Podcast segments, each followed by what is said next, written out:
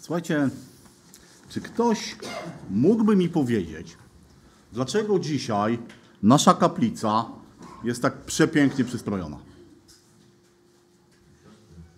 Bo siostry przystroiły. No ale tak, nie wiem, obudziły się któregoś dnia i powiedziały, w niedzielę przystroimy sobie kaplicę. Zostały powołane. Aha, pastor, w takim razie rozumiem. Pastor się obudził i powiedział, miałem sen. Niech siostry przyjdą i przystroją kaplicę. Nie. Aha, pisał SMS-y. No dobrze, ale pytanie, pytanie naprawdę. Dlaczego dzisiaj ta nasza kaplica tak pięknie wygląda? Bo świętujemy dziękczynienie. Dobrze, słuchajcie, to było łatwe pytanie. Zaje, odpowiedź właściwa zajęła Wam 5 minut, więc aż się boję zadać trudniejsze pytania, a kilka ich mam. Dobrze, to pierwsze trudniejsze pytanie. Kochani, powiedzcie mi, co jest napisane, macie Biblię, to można ściągać, w pierwszym liście do Tesaloniczan, w piątym rozdziale, w osiemnastym wersecie. Dziękujcie zawsze za wszystko. Za wszystko, dokładnie dziękujcie. I dobrze, dalej. A w liście do Kolosan, w czwartym rozdziale, w drugim wersecie.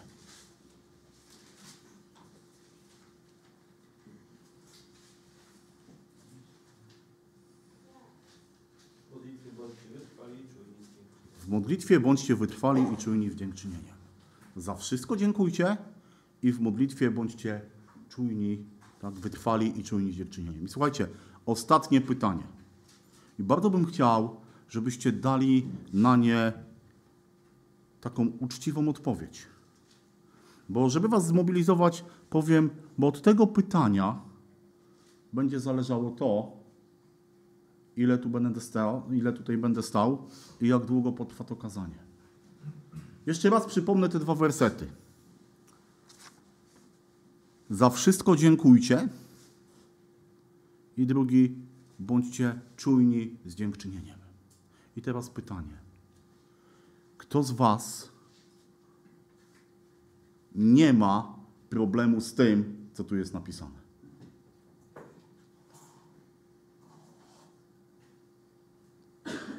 Rozumiem, że będzie długo.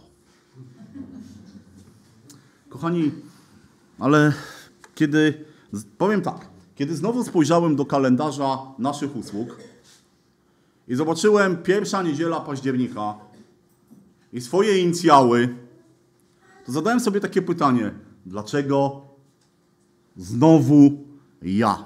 Wiecie, otworzyłem sobie taki mój kajet z różnymi usługami i wyjąłem jedną, drugą, trzecią, czwartą usługę na ten temat. I wiecie, i pierwsza moja myśl była taka, no bo masz to chłopie dobrze przerobione. Ale wiecie, ale z drugiej strony stwierdziłem, że skoro Bóg tak często powołuje mnie, stawia mnie w tym miejscu i mam mówić o dziękowaniu, o dziękczynieniu, to być może mam z tym problem. Wiecie, naprawdę kamień spadł mi z serca, kiedy zadałem te trzy pytania i widzę, że wy też możecie mieć z tym problem. Mamy święto dziękczynienia. Wiecie, i tak naprawdę to święto ma taką biblijną genezę i chciałbym, żebyśmy sobie na początek otworzyli drugą księgę Mojżeszową, 23 werset, y, rozdział, przepraszam, i tam kilka wersetów przeczytajmy. Werset 15 i 16. Tak Bóg powiedział do swojego ludu: Będziesz przestrzegał świąt prześników, siedem dni jeść będziesz prześniki, jak ci rozkazałem, w wyznaczonym czasie miesiąca Abib, bo podczas niego wyszedłeś z Egiptu, a niech ci się nie pokazują przed oczami moimi i niech się nie pokazują przed oczami moimi z próżnymi rękami. Stosujemy, jak widać. I święta żniw, pierwszych plonów prac Twoich, z tego coś wysiał na polu, i święta zbiorów z końcem roku, gdy zbierzesz plony Twoje z pola. I jakby tak patrzeć na hebrajski kalendarz, to właśnie mniej więcej pod koniec roku, no nie wiem, czy już mamy pod koniec roku, czy jeszcze nie, to było to święto plonów. Kiedy wszystko zostało zebrane i oni mogli przyjść do świątyni z radością, z, y, jakby z owocami swojej pracy. Ale wiecie, i kiedy Pan Bóg, ale kiedy Pan Bóg dawał święta, zobaczcie, no, taki przykład. My mamy święta w kalendarzu, tak? Powiedzcie mi, jakie, jaki wpływ na Twoje życie ma święto Konstytucji 3 maja? Albo 1 maja? Wiecie, tak naprawdę ono nie ma dla nas żadnego za bardzo znaczenia. No może poza tym, że mamy dzień wolny i ktoś bardziej taki, wiecie, patriotyczny powiesi sobie flagę na balkonie. Chociaż podobno częściej flagi wiszą, kiedy Polacy w piłkę grają, niż kiedy są święta narodowe. Ale wiecie, kiedy Pan Bóg dał ideę świąt, to Pan Bóg nie dał jej dlatego, żeby, żeby oni sobie, nie wiem, zrobili dzień wolny, zrobili jakąś imprezę, spotkali się, pogadali. Wiecie, kiedy Pan Bóg dawał święto, a tych świąt w Biblii mamy kilka, to Pan Bóg miał specjalny cel w tym. Dlaczego Pan Bóg chciał, żeby pewne dni były świąteczne? Wiecie, bo Pan Bóg chciał, aby ci ludzie nie tylko przypomnieli sobie, nie? bo my w święta to sobie o czymś przypominamy, ale wiecie, dla nich święto to nie miał być taki fajerwerk na koniec roku, że nagle wow, mamy święto, tylko to był punkt kulminacyjny tego, co się działo w ich życiu i oni w ten dzień mogli w sposób szczególny świętować, ale to nie znaczy, że poza, poza tym dniem o pewnych rzeczach nie pamiętali. I te święta miały im coś przypominać. One miały przypominać im o pewnych wydarzeniach, które Bóg czynił w ich historii. To święto plonów, to ostatnie święto, wiecie, ono było częścią, albo się też nazywało świętem namiotów. I oni przez kilka dni żyli w namiotach na pustyni, żeby przypomnieć sobie, jak przez wiele, wiele lat błądzili, tułali się po pustyni. A potem mogli spojrzeć na te plony, które Bóg im dał i wyrazić Mu wdzięczność. I wyrazić Mu dziękczynienie za Jego prowadzenie.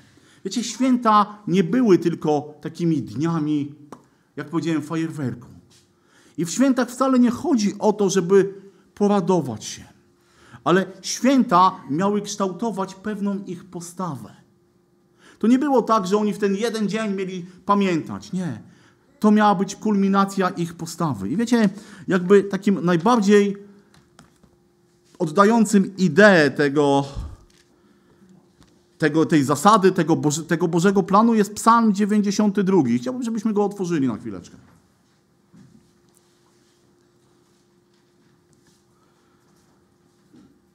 Przeczytajmy pierwsze dziewięć wersetów. Psalm, pieśń na dzień sabatu. Dobrze jest dziękować Panu i opiewać imię Twe o Najwyższy. Obwieszczać z rana łaskę Twoją, a w nocy wierność Twoją, na lutni o dziesięciu strunach i na harfie przy dźwięku cytry. Bo rozweseliłeś mnie, Panie, czynami Twymi, raduję się z dzieł rąk Twoich. Jakże wielkie są dzieła Twoje, Panie, bardzo głębokie są myśli Twoje. Człowiek nierozumny nie zna ich, a głupi nie pojmuje tego, choć wzrastają bezbożni jak ziele i kwitną złoczyńcy i tak zginą na zawsze, Ty zaś, Panie, jesteś wywyższony na wieki. Wiecie, jak ktoś kiedyś powiedział, ktoś kiedyś napisał, że to jest to jeden z takich psalmów, który ma najbardziej nowotestamentowe brzmienie. Bo wiecie, jest tutaj mowa o dwóch wspaniałych rzeczach. O łasce i o wierności. I powiedzcie tak szczerze, kiedy myślicie, kiedy słyszycie słowo związane z Bogiem łaska, to o czym myślimy? O zbawieniu. Wiecie, ci Hebrajczycy, ci Żydzi, którzy ten psalm śpiewali w świątyni, on, dla nich łaska wiązała się z tym, że są bezpieczni, z tym, że mają plony, ale dla nas dzisiaj, dla tego ludu Nowego Przymierza, kiedy słyszymy łaska, to mam nadzieję, że nasze serca, nasze myśli automatycznie wędrują do największej łaski, jaką ma człowiek, jaką człowiek dostał. Albowiem łaską zbawieni jesteście. Nie z was. Boży to dar. Wiecie, i to jest wspaniałe, że kiedy mówimy o łasce, kiedy myślimy o łasce, to przede wszystkim myślimy, mówimy o naszym Zbawicielu, o Panu Jezusie Chrystusie. I oni tego nie mieli. Wiecie, my mamy dużo, dużo więcej. Dalej czytamy o wierność. Wiecie, wierność też taka wspaniała rzecz, ale Boża wierność polega na tym, że On dotrzymuje swoich obietnic. Że cokolwiek się dzieje w moim czy w Twoim życiu, czy mi się to podoba, czy nie, On jest w tym wierny. I wiecie, i wierność nie polega na tym, że Pan Bóg mówi, wszystko będzie dobrze, nic złego cię nie spotka, ale Pan Bóg mówi, kiedy dopuszczę na coś złego, to ja będę tam z Tobą. To ja będę przy Tobie, to ja będę obok Ciebie, bo moje obietnice są niezmienne, bo powiedziałem, nigdy Cię nie porzucę i nigdy Cię nie opuszczę. Boża łaska i Boża wierność. Coś wspaniałego. Wiecie, my czasem jest tak, nie wiem, może w Waszym życiu nie, ale w moim życiu bardzo często jest tak, że pewnych rzeczy, które mam na co dzień, to przestaję je doceniać. Wiecie, kiedy tak sobie o tym myślę, to czasem właśnie nie jest tak, że w mojej postawie przestaję doceniać Bożą łaskę i Bożą wierność. I chciałem troszeczkę przejść właśnie do tej postawy. Bo wiecie, bo tutaj ten psalmista napisał, że będę z rana obwieszczać Twoją łaskę, w nocy będę obwieszczać Twoją wierność. Wiecie, to nie znaczy to, że ten psalmista 24 godziny na dobę był na jakimś, nie wiem, wspomaganiu, na kawie i tylko się modlił, i tylko śpiewał, i tylko, e, nie wiem, czytał. Ale wiecie, w hebrajskim słowo dzień i noc oznacza ciągłość. To była, wiecie, to nie było tylko sama modlitwa, to, była, to był stan. To był stan życia tego człowieka. Łaska i wierność, dzień i noc, to znaczy, że ciągle, każdego dnia, w każdej chwili, w każdej sytuacji jestem tym, którą, który swoją postawą ma wyrażać Bożą łaskę i Bożą wierność. Wiecie, Bogu chodziło o kształtowanie postawy człowieka. Dziękczynienie to nie są tylko słowa. Bo wiecie, mu pięknie dziękujemy, prawda? Zaśpiewamy o dzięk dziękowaniu, powiemy dziękuję, pomodlimy się dziękczynną modlitwą. Wiecie, słowa bardzo często są to tylko słowa. Natomiast Bogu chodzi o głębszy sens. Ten, ten fragment z listu do Tesaloniczan, który już czytaliśmy, 1 Tesaloniczan 5,18, za wszystko dziękujcie, taka jest bowiem wola Boża w Chrystusie Jezusie względem was. I tak jak już powiedziałem, przede wszystkim jest Boża łaska. Ale wiecie, Pan Bóg też nie jest kimś takim, kto mówi, jest łaska, a tutaj na ziemi to przestałeś mnie obchodzić, człowieku. Ale jak umrzesz, to wtedy będzie moja łaska. Nie, Boża łaska jest nade mną i nad Tobą codziennie. Wiecie, chciałem Wam coś przeczytać. Nie ja to wymyśliłem, ale jest też mądre, więc pozwólcie, że zacytuję. Odnośnie Bożej łaski, Bożej opieki.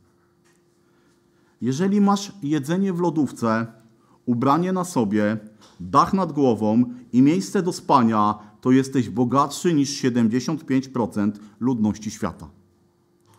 Jeśli masz pieniądze w, w banku, w portfelu, a także trochę drobnych w kieszeni, to jesteś w czołówce 8% najbogatszych ludzi na świecie.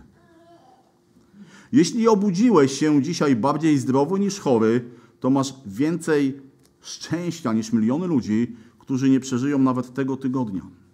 Jeśli nie doświadczyłeś niebezpieczeństwa wojny, agonii, pozbawienia wolności lub tortur albo strasznej męki głodu, to jesteś szczęśliwszy niż 500 milionów ludzi żyjących i cierpiących dzisiaj. I tu jest taki tekst. Jeśli możesz to przeczytać, to masz więcej szczęścia niż 3 miliardy ludzi, którzy nie potrafią czytać w ogóle. Bądź wdzięczny za każdy dzień. Wiecie, i teraz kolejne takie pytanie, które ja sobie postawiłem, wiedząc to wszystko o Bożej łasce w Chrystusie, o tym, że każdego dnia to, co mam, jest Jego darem, zacząłem, zadałem sobie to pytanie, jak wygląda właśnie moje dziękczynienie? Czy nie mam z tym problemu? Ten list do Kolosan, czwarty rozdział, drugi werset, który mówi w modlitwie bądźcie wytrwali i czujni z dziękczynieniem. Wiecie, on pokazuje, że możemy, mogę mieć z tym problem. No nie, nie wiem, czy kiedyś sobie zrobiliście taki rachunek. Ile razy mówisz do Boga proszę, a ile razy z tego później dziękuję. Nie? Taki prosty rachunek matematyczny wymagałby postawienia tutaj znaku równości. Ale ja nie wiem, czy nie powinniśmy postawić go takiej większości mniejszości. Jak dziękuję? Czy nie mam z tym problemu? Nie, możemy sobie pomyśleć, no chyba nie. Chyba nie, ale wiecie, chciałem wam przeczytać coś z Nowego Testamentu odnośnie postawy dzięko- dziękowania. Ewangelia Łukasza, 18 rozdział. Wersety 11 i 12. Może od 10 to będzie lepiej. Dwóch ludzi weszło do świątyni, aby się modlić. Jeden faryzeusz, a drugi celnik.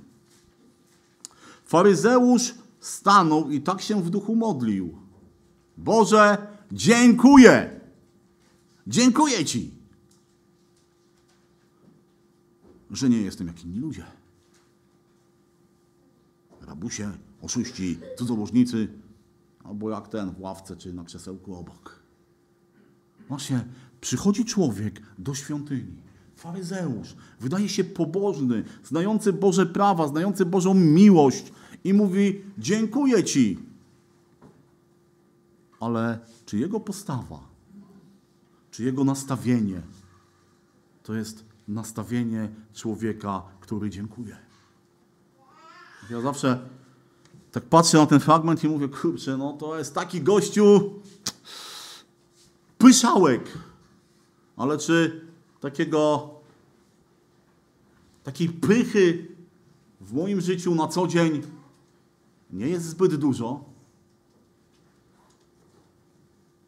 Czy w moim życiu, moją świadomością i moją postawą potrafię dziękować? Wiecie, bardzo często, albo może nie bardzo często, ale zdarza się, nie, bo bardzo często to tak źle brzmi, ale zdarza się, że nasza postawa, zamiast być postawą dziękczynienia, jest postawą tego faryzeusza. Zamiast powiedzieć Bogu dziękuję, to mówimy co? Panie, ale za co? Przecież mi się to należy. Panie Boże, jaką Ty mi łaskę robisz? Przecież to takie oczywiste, że ja to powinienem mieć. Dach nad głową, miejsce do spania, jedzenie w lodówce, kasę na koncie, benzynę w baku. Przecież to takie oczywiste. No bo Panie, no, to, to mam Ci za to dziękować, przecież to jest takie normalne. A wiecie, czasem są też takie sytuacje, że stajemy przed Bogiem i mówimy, za to Ci nie podziękuję, bo to jest niesprawiedliwe. Przypomina mi się Job, który, wiecie, dostał, nie było SMS-ów, ale dostawał takie wiadomości, tak, twoje dzieci, twój majątek, twój dom. Jeszcze żona przyszła i on mówi, co? Dobre przyjmujemy od Boga. Dlaczego nie mamy przyjmować tego, co nam się nie podoba? Moja postawa dziękowania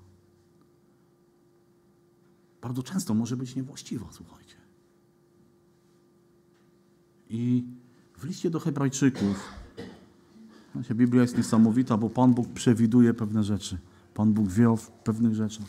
W liście do Hebrajczyków w 12 rozdziale czytamy też takie słowa, 28 werset. Przeto okażmy się wdzięcznymi my, którzy otrzymujemy królestwo niewzruszone i oddawajmy cześć Bogu, tak jak mu to miłe, z nabożnym szacunkiem i bojaźnią. Zobaczcie, jest tu użyte słowo my otrzymujemy, okażmy się wdzięcznymi, bo tak dużo od Boga otrzymujemy.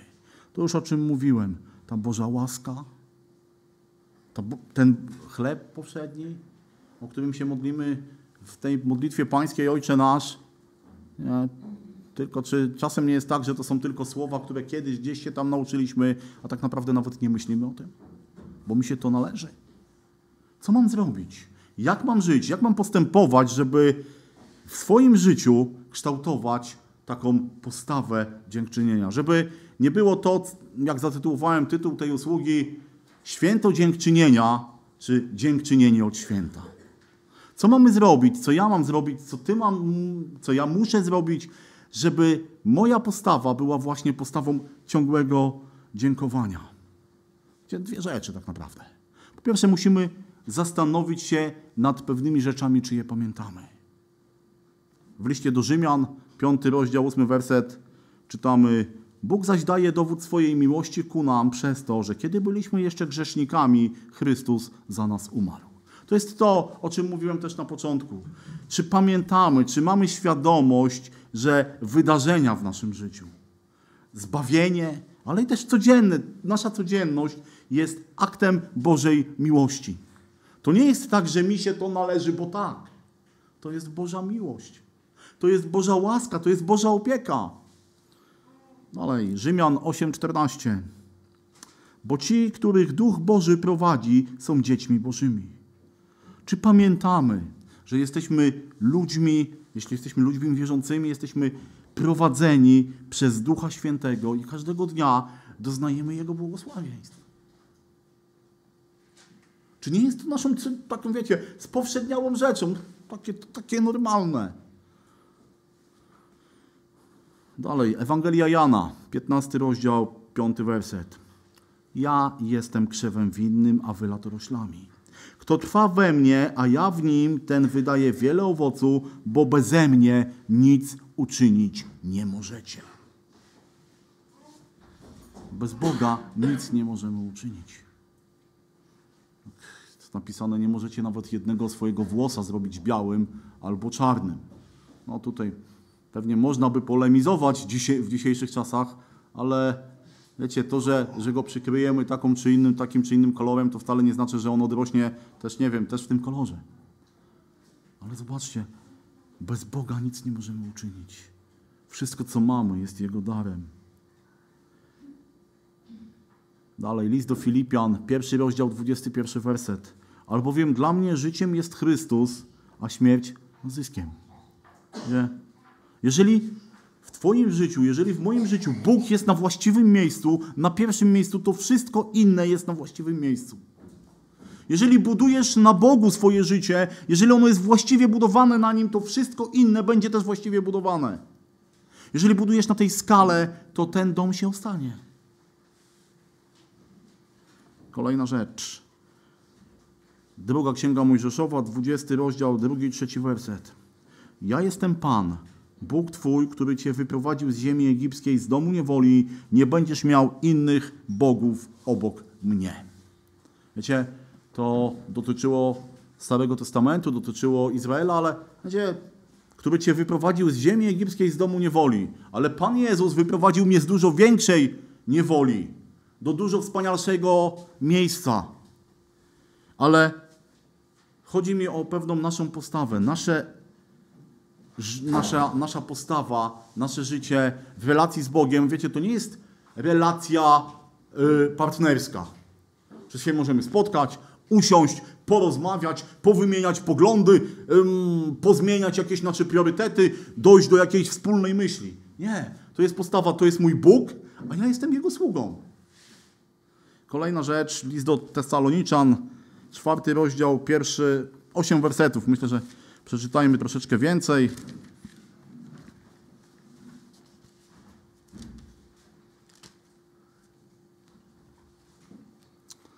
A poza tym, bracia, prosimy Was i napominamy w Panu Jezusie, abyście stosownie do otrzymanego od nas pouczenia, jak, macie, jak macie postępować i podobać się Bogu, jak zresztą postępujecie, abyście tym bardziej obfitowali. Wszak wiecie, jakie przykazania daliśmy Wam w imieniu Pana Jezusa. Taka jest bowiem wola Boga, Boża, uświęcenie wasze, żebyście się powstrzymywali od wszeteczeństwa, aby każdy z was umiał utrzymać swe ciało w czystości, w poszanowaniu, nie w znamiętności rządzy, jak poganie, którzy nie znają Boga, aby nikt nie dopuszczał się wykroczeń i nie oszukiwał w jakiejkolwiek sprawie swego brata, gdyż Pan jest mścicielem tego wszystkiego, jak to wam zapowiadaliśmy i zaświadczyliśmy. Albowiem nie powołał nas Bóg do nieczystości, ale do uświęcenia, to też kto odrzuca to, odrzuca nie człowieka, lecz Boga, który nam też daje Ducha swego Świętego. Wiecie, kolejną rzeczą to jest po prostu uświęcenie. Ładnie to brzmi, prawda? Po prostu uświęcenie. Ale wiecie, uświęcenie jest czymś, co musi być nieodzowne. Ja wiem, że trudno jest, ale z Bogiem nic nie jest trudnego. Tutaj Boże, Bóg mówi, jeżeli ktoś odrzuca uświęcenie, wiecie, ja uważam, że nie ma czegoś takiego jak chrześcijańskie życie bez uświęcenia. Jeżeli w Twoim życiu nie ma uświęcenia, to możesz się pięknie modlić, to możesz wspaniale czytać Biblię, to możesz nawet się nawet dać zanurzyć w wodzie, ale Twoje życie nie jest życiem chrześcijanina. Jeżeli Bóg porusza Twoje serce, mówisz tą czy inną formułkę, przychodzisz do Niego, ale nie ma w Twoim życiu uświęcenia, to znaczy, że Bóg do Ciebie przemówił? Że troszkę Cię poruszył? Ale Bóg nie złamał całkowicie Twojego serca. Ja miałem taki przypadek w moim życiu, kiedy po jednym obozie byłem poruszony. Powiem szczerze, nie pamiętam, czy powiedziałem jakąś formułkę, o jaką mnie tam prosili, ale wiecie, zacząłem jeździć na spotkania, zacząłem czytać Biblię, zacząłem się modlić. Trwało to dwa tygodnie, a potem wróciłem do tego wszystkiego. E, tak jak to, można powiedzieć, jak ta świnia, co wracała do własnych wymiocin. Dlaczego? Dlatego, że Bóg poruszył, ale nie złamał. Nie było uświęcenia. W mojej postawie, jeżeli moja postawa ma być postawą dziękczynienia, to musi być uświęcenie. Wiecie, jeszcze jedna, jedna bardzo ważna rzecz, żeby ta nasza postawa była, była właściwa. To jest jeszcze jeden taki, taki element, który jest niezbędny. Wiecie, co to jest? To, o czym czasem śpiewamy. Radość dał mi Pan, radość dał mi Pan, radość dał mi Pan, tylko gdzie ją mam? Wiecie, to jest radość. I nie chodzi mi o taką, wiecie, głupkowatą radość tego świata, tak, że biegamy, haha, i wszystko jest fajne. Ale tą wewnętrzną radość. Tą, którą Bóg daje nam, abyśmy przełamywali różne problemy. Ale wiecie, kiedy w naszym życiu, w naszym sercu jest, y, nie wiem, jak to nazwać, niezadowolenie. Panie Boże, mam Mercedesa. Sąsiad ma dwa. Kiedy jest żal, kiedy jest pretensja, to, kochani, nie oszukujmy się, nie będzie postawy dziękczynienia Bogu. Bo tak naprawdę żal, który mamy do innych osób, jest jednocześnie żalem, który mamy do Boga. Ja wiem, że to jest trudno oddzielić w życiu, bo jesteśmy ludźmi. Ale wiecie, jeżeli cały czas jest żal, pretensja, jakieś narzekanie, no to kochani, to ten korzeń gorzkości, wiecie, z tym jest tak, że to bardzo szybko kiełkuje. Nie są pewne, dzisiaj mamy tutaj dużo, dużo różnych yy, roślin, warzyw, nazw niektórych nawet nie, nie znam, ale z tego, co się orientuję, żeby one wyrosły, to potrzeba pracy, czasu, pielęgnacji, nie? A są takie też habździe, człowiek nie musi pielęgnować, nie musi za tym chodzić, nie musi tego doglądać, a i tak ma 3 metry. I tak bardzo często jest niestety y, w naszym życiu, jeżeli nie ma w niej Bożej radości. To wiecie, to bardzo szybko ten korzeń gorzkości idzie w górę. A w psalmie 100 107, 22 werset czytamy niech, niech składają ofiary dziękczynne, też nasze życie ma być właśnie dziękczynieniem, niech z, rada, z radością opowiadają o czynach Jego. Wiecie, chyba nie ma nic, albo nie no, może są jakieś smutniejsze rzeczy, ale smutny jest obraz chrześcijanina, który jest zgorzkniały o Jezusie. Mój Bóg jest wspaniały. Fajny. To nie działa. To nie działa. Tak się nie da. Bo jeżeli Bóg zmienił Twoje życie, jeżeli Bóg zmienia Twoje życie, to masz być radosny. To, ale mówię, to nie ma być radość tego świata, wiecie, taka głupkowata, ale taka wewnętrzna, która powo- poz- pozwala pokonywać różne przeciwności, bo po pierwsze, nigdy nie pokonujesz ich sam. tak jak Boża łaska jest nieustanna, tak nasze dziękowanie, tak moje dziękowanie, Twoje dziękowanie też powinno być nieustanne. Moje życie, moje postępowanie, mój, moja codzienność ma być świętem dziękczynienia. Wiecie, to nie ma być raz do roku, że spotykamy się i będziemy teraz przez pół godziny się modlić, dziękując, dziękując, dziękując. Nie. To ma być ten efekt, to ma być, wiecie, to ten top tego. dziękowania. A nie jednorazowy wystrzał i fajerwerk, nie? Nadziękujemy się w ten dzień, na cały rok. Spokój z dziękowaniem. Nie. To ma być coś, coś cennego, coś wspaniałego, coś codziennego, wiecie? To jest niesamowite, że to jest tak cenne. My generalnie jak mamy cenne rzeczy, to wiecie, je chronimy, tak? A to jest najcenniejsze i mamy tego, to mieć cały czas przy sobie i to tego ma być więcej i więcej i więcej. Każdy dzień ma być dniem, w którym dziękujesz Bogu więcej i więcej. I aby tak się stało, aby to naprawdę działało, no to musimy właśnie pamiętać o kilku rzeczach, o tych, o których mówiłem. Ja wiem, że może długo już mówię i nie zapamiętaliście, ale dzięki Bogu mamy internet, tak? Też kolejne Boże błogosławieństwo i możemy sobie posłuchać, przypomnieć, ale takie, taka pigułka, taki tik-tak. Dziękczynienie jest tym, co występuje zawsze w relacji wierzącego człowieka z Bogiem. Nie ma od tego przerwy. Dziękczynienie jest nieustające i dotyczy naszej przeszłości, bo dziękujemy Bogu z tego, z czego nas wyrwał, naszej teraźniejszości i naszej przyszłości. Dziękczynienie ma być naszą postawą, a nie tylko naszymi słowami, i na naszą postawę powinno składać się nasze codzienne uświęcenie, świadomość nieustającej Bożej łaski, okazanej właśnie w Panu Jezusie Chrystusie i nasza codzienna chrześcijańska radość i miłość. To wszystko musimy mieć.